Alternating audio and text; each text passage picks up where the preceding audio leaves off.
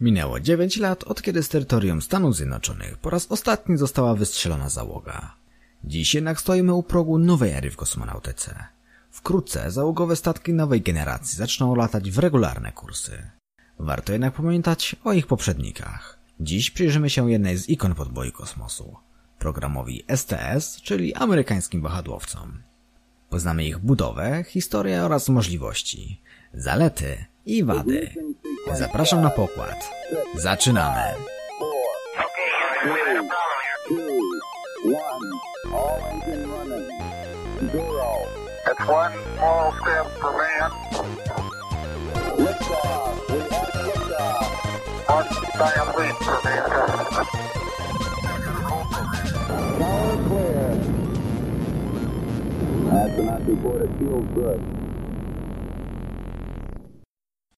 Wszystko zaczęło się na przełomie lat 60. i 70. zeszłego wieku. Politycy dopięli już swego. Na księżycu stanął Amerykanin. Sowieci zdali za wygraną, a kibice rozeszli się do domów. Zakończył się właśnie kosmiczny wyścig, a wraz z nim obfite finansowanie agencji.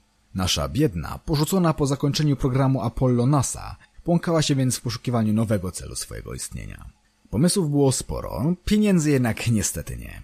Postanowiono więc skupić się na jednym projekcie. Padło na stworzenie statku kosmicznego nowej generacji, który w przeciwieństwie do kapsuły Apollo mógłby być wykorzystywany wielokrotnie, co znacznie obniżyłoby koszty jego eksploatacji, ale także koszty lotów w kosmos w ogóle.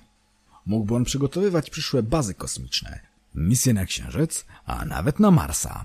Jednak kolejne cięcia znów uderzyły w plany NASA, zmuszając ją do poszukania partnerstwa zewnętrznego. Padł na organizację, która nie mogła narzekać na brak funduszy. Zwrócono się do armii. Dokładniej do United States Air Forces, które w tym czasie pracowały także nad własnym, podobnym projektem. X-20 Dinosaur miał być wynoszony przez rakietę supersamolotem, celem do osiągania prędkości supersonicznych na trajektoriach suborbitalnych i na orbicie, mogąc przy tym na przykład robić ładne zdjęcia lub szpiegować wrogów ojczyzny i demokracji. Siły powietrzne zgodziły się jednak na udział w projekcie. Może też dlatego, że ich własny supersamolot stawał się też super drogi. Jednak żeby nie było, postawili też swoje warunki. Nowy statek miał być zdolny do wynoszenia ciężkich satelitów szpiegowskich, także na bardziej wymagające orbity polarne. Miał przy tym zachowywać pełną zdolność do manewrowania. Nowe wymagania i problemy sprawiały, że konstrukcja ciągle rosła. Nawet zastosowanie skrzydeł w układzie Delta nie pomogło. Statek w końcu osiągnął takie rozmiary, że zamontowano go na boku rakiety. Do pomocy dodano też dwie rakiety wspomagające. Początkowo miały być one napędzane paliwem ciekłym, jednak okazało się to zbyt drogie. Zdecydowano się więc na użycie nowatorskich, potężnych i niebezpiecznych, ale za to tanich rakiet na paliwo stałe. Z mgły pomysłów, problemów i pobożnych życzeń zaczął w końcu wyłaniać się design maszyny, jaką znamy dzisiaj. 5 stycznia 1972 roku z hangaru w Dryden Flight Research Center wyłonił się pierwszy wahadłowiec Enterprise. Jego pierwotna nazwa miała brzmieć Constitution, jednak prezydent Gerald Ford poprosił NASA o jej zmianę po tym, jak otrzymał petycję od fanów serialu Star Trek. Tak więc Enterprise nie był w zasadzie wahadłowcem. Był on pełnowymiarowym demonstratorem technologii. Nie posiadał zamontowanych systemów podtrzymywania życia, ani nawet silników. Służył więc wyłącznie do testów. Montowano go na plecach Boeinga 747 i zrzucano z dużej wysokości. Sprawdzano, jak radzi sobie z lotem szybowcowym i lądowaniem. Lub jak się rozbija. Nowa zabawka NASA dotrwała jednak do końca testów w całości. Pojawiły się nawet plany, by przekształcić ją w działający egzemplarz. Jednak kolejne zmiany w projekcie sprawiły, że taniej było zbudować kolejne sztuki, niż modyfikować tą już obecną. Trochę później powstał także Pathfinder. Mokry sen każdego modelarza. Naturalnych rozmiarów makieta całego systemu, służąca do ćwiczenia procedur naziemnych. W końcu stało się. 12 kwietnia 1981 roku na platformę LC-39 wyjechała ona. Piękna, biała, z lekką nadwagą, ale pierwsza w swoim rodzaju Columbia. Dostarczony dwa lata wcześniej w pełni funkcjonalny prototyp. Podczas dziewiczej misji na pokładzie znaleźli się dwaj astronauci. John Young, weteran misji Gemini i Apollo oraz Bob Crippen, pilot doświadczalny marynarki wojennej. Mieli oni sprawdzić, czy wszystko działa jak należy. Musieli, bo nie przewidziano możliwości lotów automatycznych. Do tej pory w kosmos nie poleciało jeszcze nic tak dziwnego jak wahadłowce. Załoga miała się więc czego obawiać. Tym bardziej, że oblatywacze nie mieli dotąd sporo szczęścia. Apollo spłonął na starcie. Sojus rozbił się na pustyni, a Gemini... Shepard sikał się do kombinezonu. Szczęśliwie ich lot zakończył się sukcesem. Trwał on dwa dni i był dość przełomowy. Pierwszy raz wykorzystano tak wielkie rakiety na paliwo stałe w lotach załogowych, a także pierwszy raz statek kosmiczny wylądował na pasie. Nie licząc wersji testowych, zbudowano łącznie pięć wahadłowców. Zaczęto od wspomnianej Columbii w 79. Następnie dostarczono Challengera w 82. Potem Discovery rok później. Następnie Atlantis w 85 oraz Endeavour w 91. Cały system składał się z trzech głównych elementów. Wielkiego pomarańczowego zbiornika na paliwo, rakiet wspomagających oraz samego orbitera.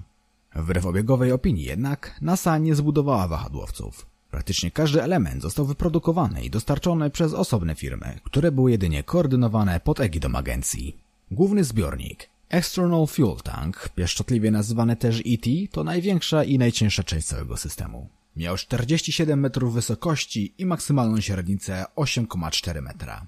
Był on produkowany przez firmę Lockheed Martin, korporację, która zapewne zostanie wspomniana przy każdym odcinku poświęconym astronautyce.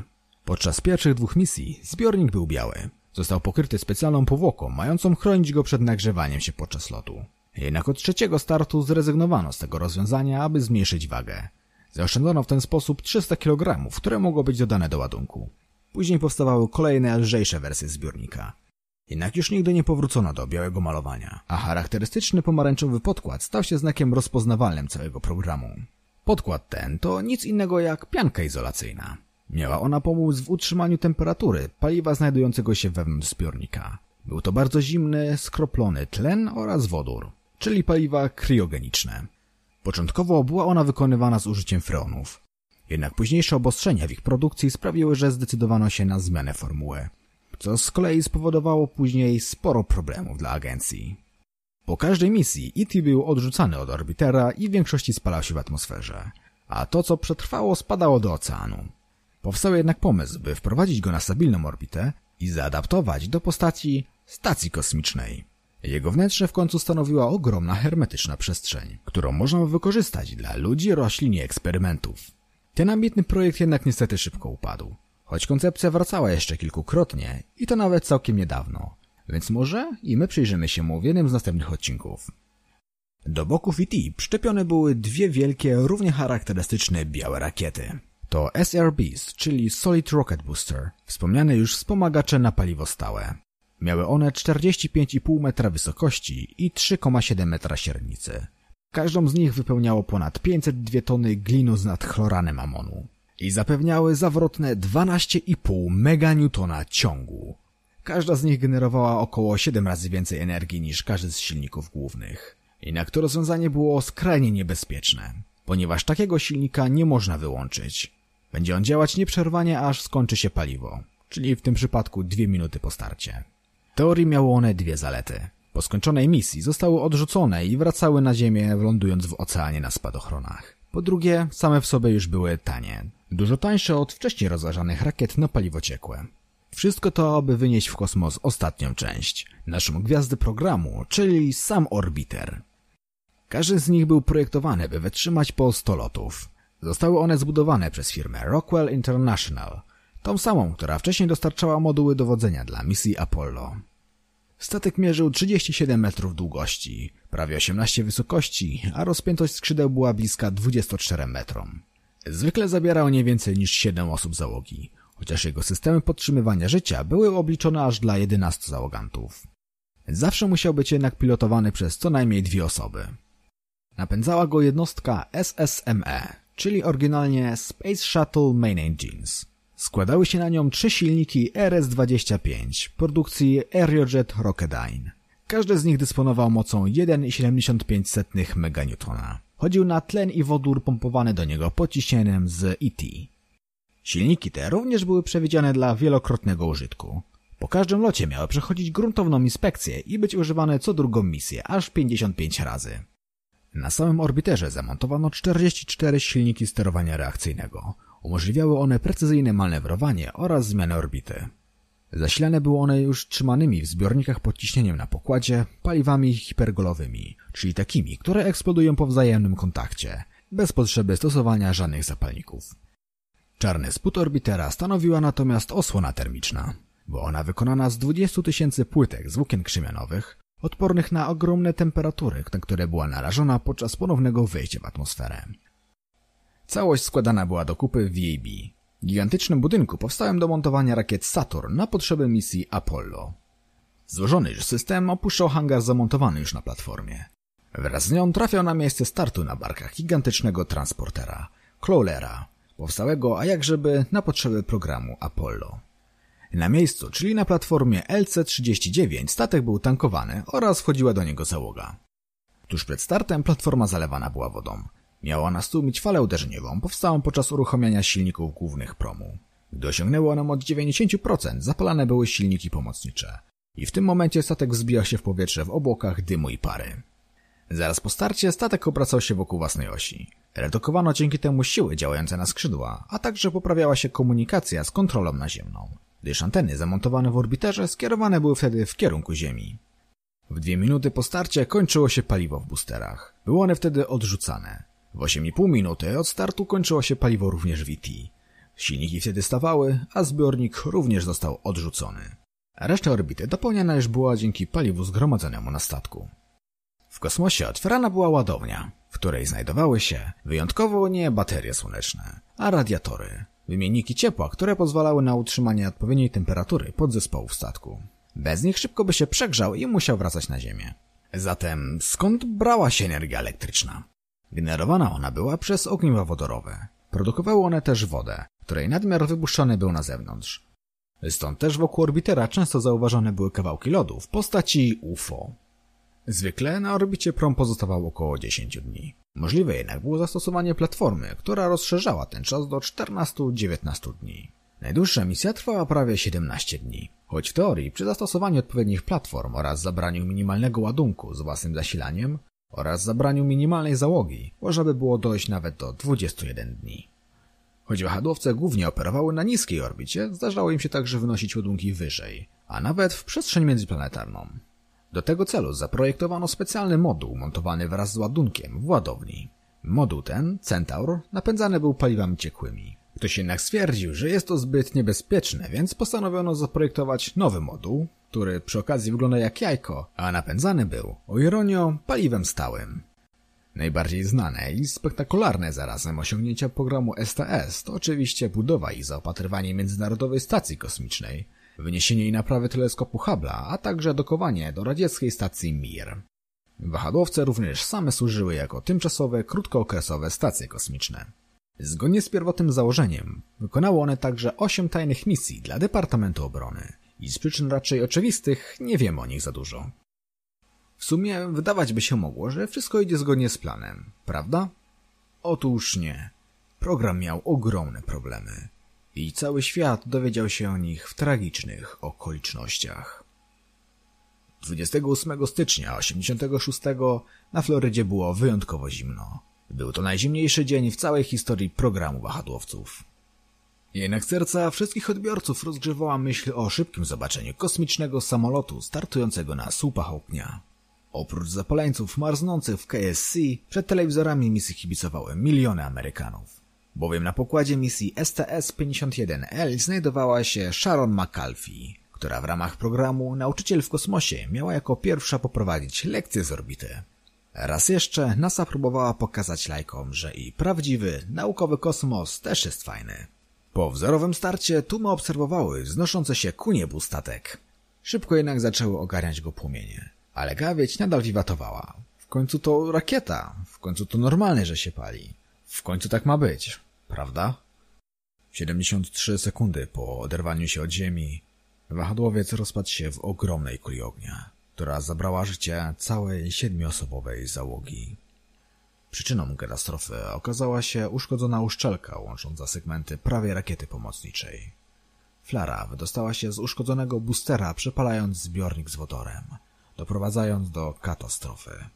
NASA wiedziała o ryzyku, wiedziała o problemach z łącznikami oraz z pastą chroniącą uszczelki przed ogniem. Wiedziała też o tym, że jest zbyt zimno, aby start mógł się odbyć. Było jednak przekładany już kilkukrotnie od 22 stycznia. Opóźnienia sprawiły, że zarząd postanowił zignorować ostrzeżenia i raporty. Byle tylko nie zaliczyć kolejnej zwłoki, postanowiono zaryzykować ludzkim życiem. 25. misja wahadłowca oraz 10. i ostatnia misja Challengera przyszła do historii, ukazując tym samym nowe i nieznane dotąd oblicze agencji. Loty wstrzymano na 32 miesiące, podczas których zaostrzono procedury bezpieczeństwa i kontroli jakości. Zmodyfikowano także boostery. Ich uszczelki otrzymały specjalne grzejniki, które umożliwiały utrzymanie gotowości niezależnie od pogody. Po tej katastrofie z części zapasowych skręcono także prom Endeavour. Poczynione zmiany okazały się jednak niewystarczające. 1 lutego 2003 roku wahadowiec stał się trumną dla kolejnej załogi. Zamiast Kolumbii wracającej z misji STS-107 obserwatorzy zobaczyli tylko płonące szczątki niemumknące ku ziemi. 16 dni wcześniej, podczas startu, ze zbiornika oderwał się kawałek pianki, z którą NASA wciąż miała problem. Uderzył on w krawędź lewego skrzydła, wyrywając w nim stosunkowo niewielką dziurę. O problemie wiedziano jeszcze, gdy prom był na orbicie. Jednak zarówno kontrola lotu, jak i sami astronauci postanowili zbagatelizować usterkę. I jak poważny był to błąd, okazało się dopiero podczas deorbitacji, kiedy przez 25 cm otwór plazma zaczęła wdzierać się do wnętrza orbitera. Na tym etapie załoga nie miała już żadnych szans na przeżycie ani ratunek. Po katastrofie zawieszono loty aż do 2005 roku.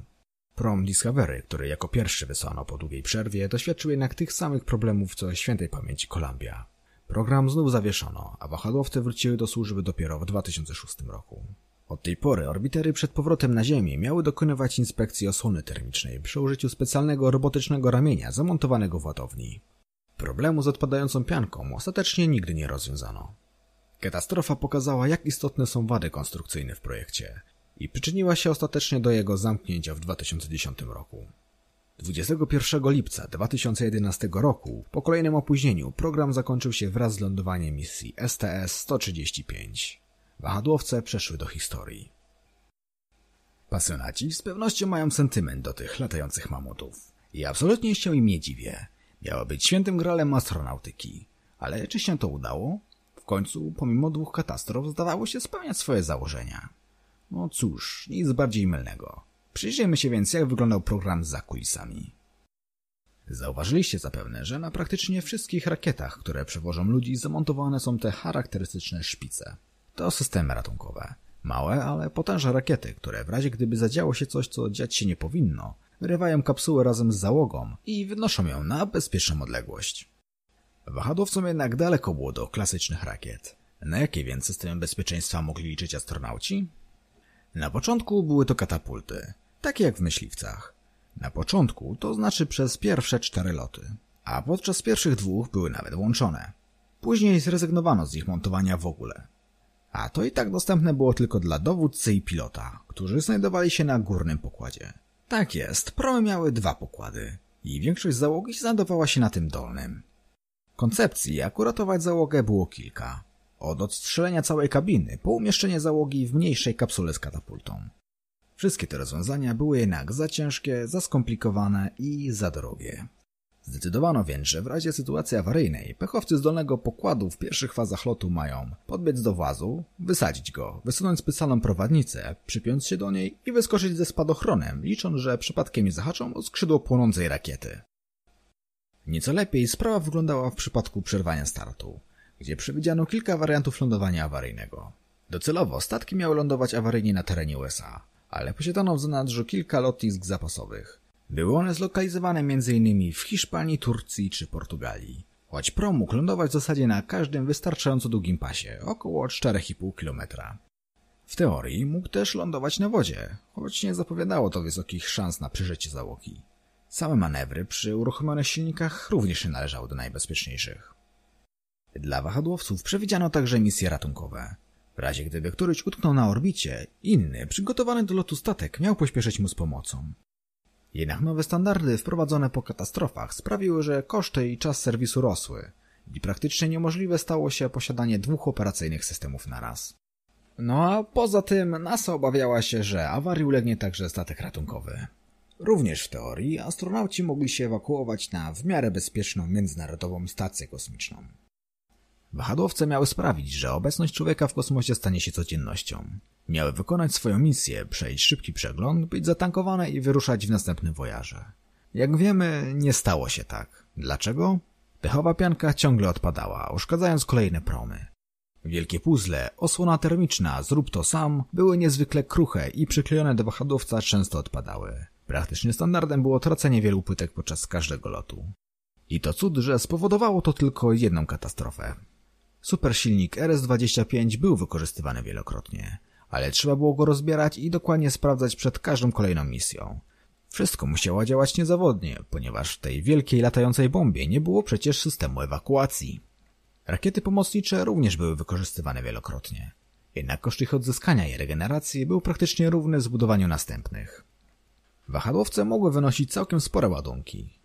Jednak konwencjonalne rakiety również były w stanie to zrobić. I to częściej, szybciej i taniej. Lot wahadłowca kosztował około 500 milionów dolarów. To całkiem sporo nawet jak na kosmiczne standardy. NASA obiecało 60 lotów każdego roku. To, że pięć orbiterów wykonało łącznie 138 misji, pokazuje jak bardzo rzeczywistość rozminęła się z założeniami. Kosmiczny samolot wielokrotnego użytku okazał się droższy w eksploatacji niż budowa za każdym razem nowych rakiet pojedynczego użytku. Przy tym okazały się najbardziej zabójczymi statkami kosmicznymi w historii.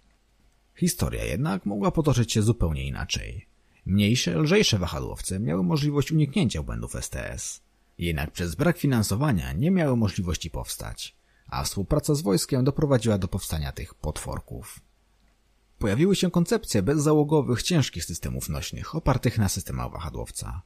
Jednak każda próba ich realizacji kończyła się dotąd porażką, zazwyczaj jeszcze na poziomie administracyjnym. Tworząc STS, NASA skazała się na jedzenie tego samego kosmicznego, zimnego kotleta, serwowanego w kółko i w kółko. Obecnie opracowywana rakieta SLS, oryginalna nazwa, ale podobieństwo nie jest przypadkowe, również opiera się na podzespołach STS. NASA wraz z Lockheed Martin w okolicach przełomu wieków pracowała nad następcą promów X-33 Venture Star, który mógł zrewolucjonizować loty w kosmos. Jednak natrafiono na niemożliwe wówczas do rozwiązania problemy techniczne i finalnie program anulowano w 2001. Amerykańska piątka to jednak nie jedyne wahadłowce. Związek Radziecki również pracował nad własnymi i grzechem byłoby o nich tu nie wspomnieć. Choć z zewnątrz były bliźniaczo podobne, tak rozwiązania w nich zastosowane były diametralnie różne. Program Buran unikał wielu problemów, jakie borykały amerykańskie jednostki, stając się w opinii wielu lepszym systemem niż STS. Niestety zakończył się brutalnie przez odcięcie od życiodajnych rubli. Jednak to materiał na zupełnie inną historię i na pewno do niego wrócimy. Podejmowano także próby stworzenia mniejszych systemów, które spełniały pierwotne założenia NASA na przykład francuski Hermes czy rosyjski Clipper i Max. Wszystkie jednak kończyły się niepowodzeniem.